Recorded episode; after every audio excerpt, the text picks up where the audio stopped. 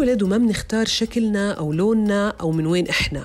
لهيك قبل ما نتشرب أي مفاهيم أو صور نمطية ونعرف المحددات الموجودة بمجتمعنا منكون منقبل الآخر أكثر وبيكون هدفنا واحد إنه نلعب مع الطفل اللي قبالنا بدون أي تصنيف. طفولتي كانت آه، إنه أنا دخلت روضة نظامية عادي. آه، الأطفال ما بيلاقوا مشاكل من خلال اللعب يعني اللعب يكسر كل حواجز إحنا.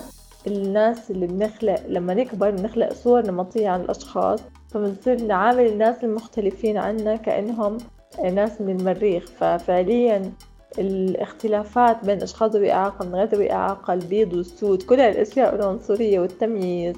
إحنا بنخلقها عن طريق صور نمطية انحطت في دماغنا وصرنا نميز عن طريقها. أهلا فيكم في بودكاست قصة قصيرة.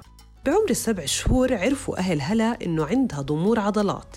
ضلهم يزوروا الأخصائيين ليلاقوا حل فوجدوا إنه دعم هلا وتوفير كل اللي بخليها تتحدى الإعاقات اللي بتمر بطريقها هو الحل. اليوم هلا عمرها 25 سنة.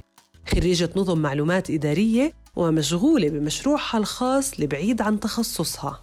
ناشطة في مجال الإعاقة بشكل عام. بلشت حياتي إنه كان عندي من أول ما انخلقت يعني هيك مشيتي مختلفة. فأهلي لاحظوا هذا الإشي من دكتور لدكتور أكيد مش سهل تشخيص الشخص من أول سنين حياته. فبعدين اكتشفت إنه عندي مرض اسمه ضمور العضلات. هذا المرض بيتطور مع الوقت. بس كتير إله أنواع Progressive بس بدرجات مختلفة حسب النوع. بحب كتير يعني دخلت بأكتر مجال من حياتي صراحة. منهم ريادة الأعمال وعم بشتغل هلأ على مشروعي الخاص الريادي.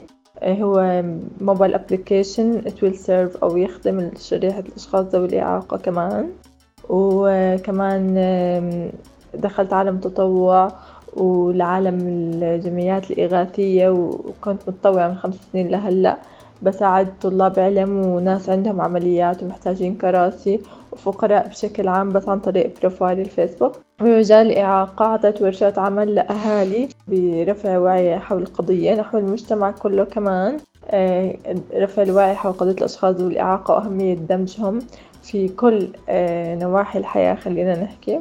وكمان دافعت عن حقوقنا في كتير منابر وأماكن. كنت public speaker بأكثر من event سواء motivational للأشخاص من ذوي إعاقة من غير ذوي إعاقة. وبنفس الوقت empowerment وتمكين الأشخاص ذوي الإعاقة نفسهم. لأنه الشخص ذوي الإعاقة لما يشوف حدا قدر يكسر حواجز قدامه بيتشجع وبيحس إنه he's not the only one إنه عم بي عم بيواجه هاي التحديات. ويبلش يشتغل على حاله أكتر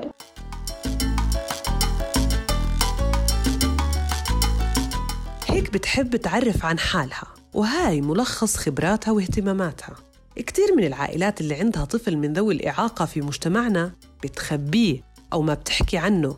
وقلال هم اللي بيشبهوا أهل هلا بنبشوا الفرص وبيهيئوا حياة أفضل لأولادهم وللأشخاص من ذوي الإعاقة. وهاي الثقة انزرعت من الطفولة جواتها وكان إلها أثر إنها تكون بكل هاي الاستقلالية. علاقتي بوالدي. علاقة كثير حلوة. بابا من بابا أول قدوة كان إلي بحياتي لأنه بابا أسس حالة من الصفر وواجه كتير ولأنه بابا حدا قاسي وقوي بنفس الوقت وكتير حنون. فبحس هيك الحياة بدها. ولأنه بابا كتير بحب الناس وكتير اجتماعي وأنا طالعة عليه بهاي القصة. علمني كتير كيف أتجاوز كتير أشياء بحياتي. بنفس الوقت لأنه برخيلي الحبل بس بيراقبني من بعيد. وإذا وقعت بلاقيه. فعلاقتي ببابا كتير قوية علاقتي بماما كتير قوية الحمد لله. ماما الجندي المجهول اللي بجهز كل هلا كل يومها اللي بيهتم بمواعيدها. وهي كمان بتنضغط وبتنعجق وكل مسؤولية حياتي عليها تقريبا. أكيد لولاهم ولولا دعم إخواني كان أنا يعني ما ما ما قدرت أحقق كتير أشياء. صح في مراحل إنه هم انعجقوا بحياتهم خلينا نحكي أو أو خلاص حكوا لي إهدي اللعب شوي أو كان لازم إنه أستخدم وسائل تانية. بس من الأول من ال baby steps خطوات الطفولة. لو ما دعموني وآمنوا فيي ودوروا على كل الوسائل وطلعوا وحطوني قدام كل الناس كان بيجوا عندنا ضيوف يقعدوني قدام الضيوف. هاي بنتنا إحنا بنحبها. وما ميزوا ضدي ولا معي كانوا يبهدلوني إذا بعمل إشي غلط ويكافئوني إذا بعمل إشي صح. هاي الأشياء من الطفولة أثرت فيي. فبآمن إنه كل شخص لازم يكون مستقل وأنا خلص في مرحلة هلأ صرت مستقلة الحمد لله.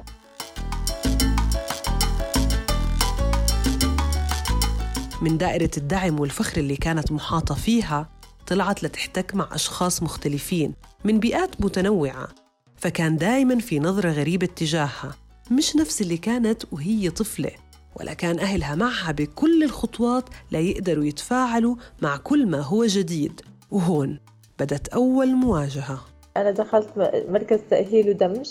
فيه قسم مدرسة كان من صف أول لسادس كان فيه علاج طبيعي وعلاج وظيفي. والفكرة فيه إنه هو كان بس للأشخاص بالإعاقة الحركية. فهلأ صراحة أنا بحبذ وبشجع الدمج من الأول عشان الأشخاص بالإعاقة خلص ما يضطروا ينفصلوا بعدين يندمجوا.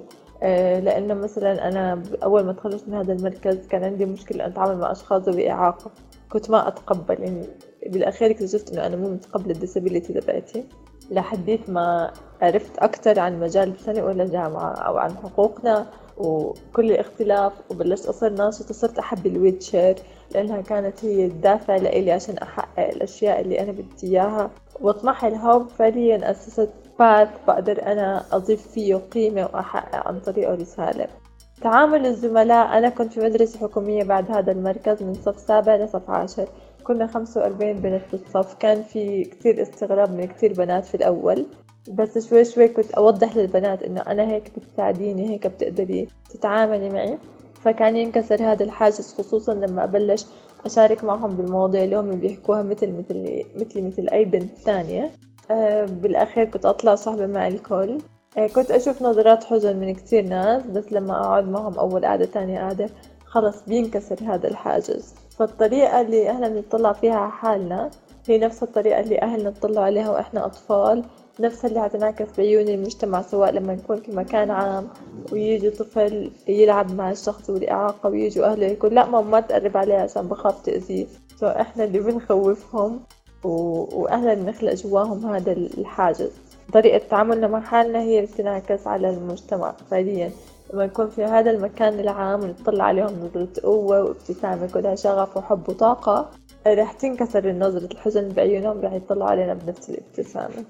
رغم كل هاي القوة والاستقلالية اللي بتتمتع فيها إلا إنه نظرة الحزن موجودة بكل خطوة والطريق اللي مش مهيئة هي الإعاقة اللي بتخليها تفرمل حماسها ومشاركتها في كتير من النشاطات وبيخليها تسأل كيف يا ترى رح يكون شكل الحياة لو كان في على القليلة؟ مواصلات عامة مهيئة لذوي الإعاقة الحركية.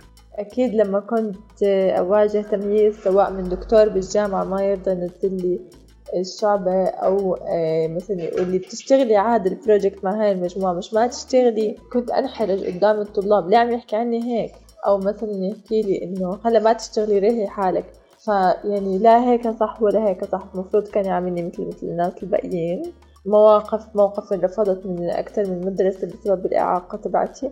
آه كمان أكيد صعوبة المواصلات. كل يوم لهلأ بلاقي تحدي بسبب المواصلات عشان هي مش مهيئة فبحتاج دايما حدا يوديني ويجيبني ويرافقني في الأماكن.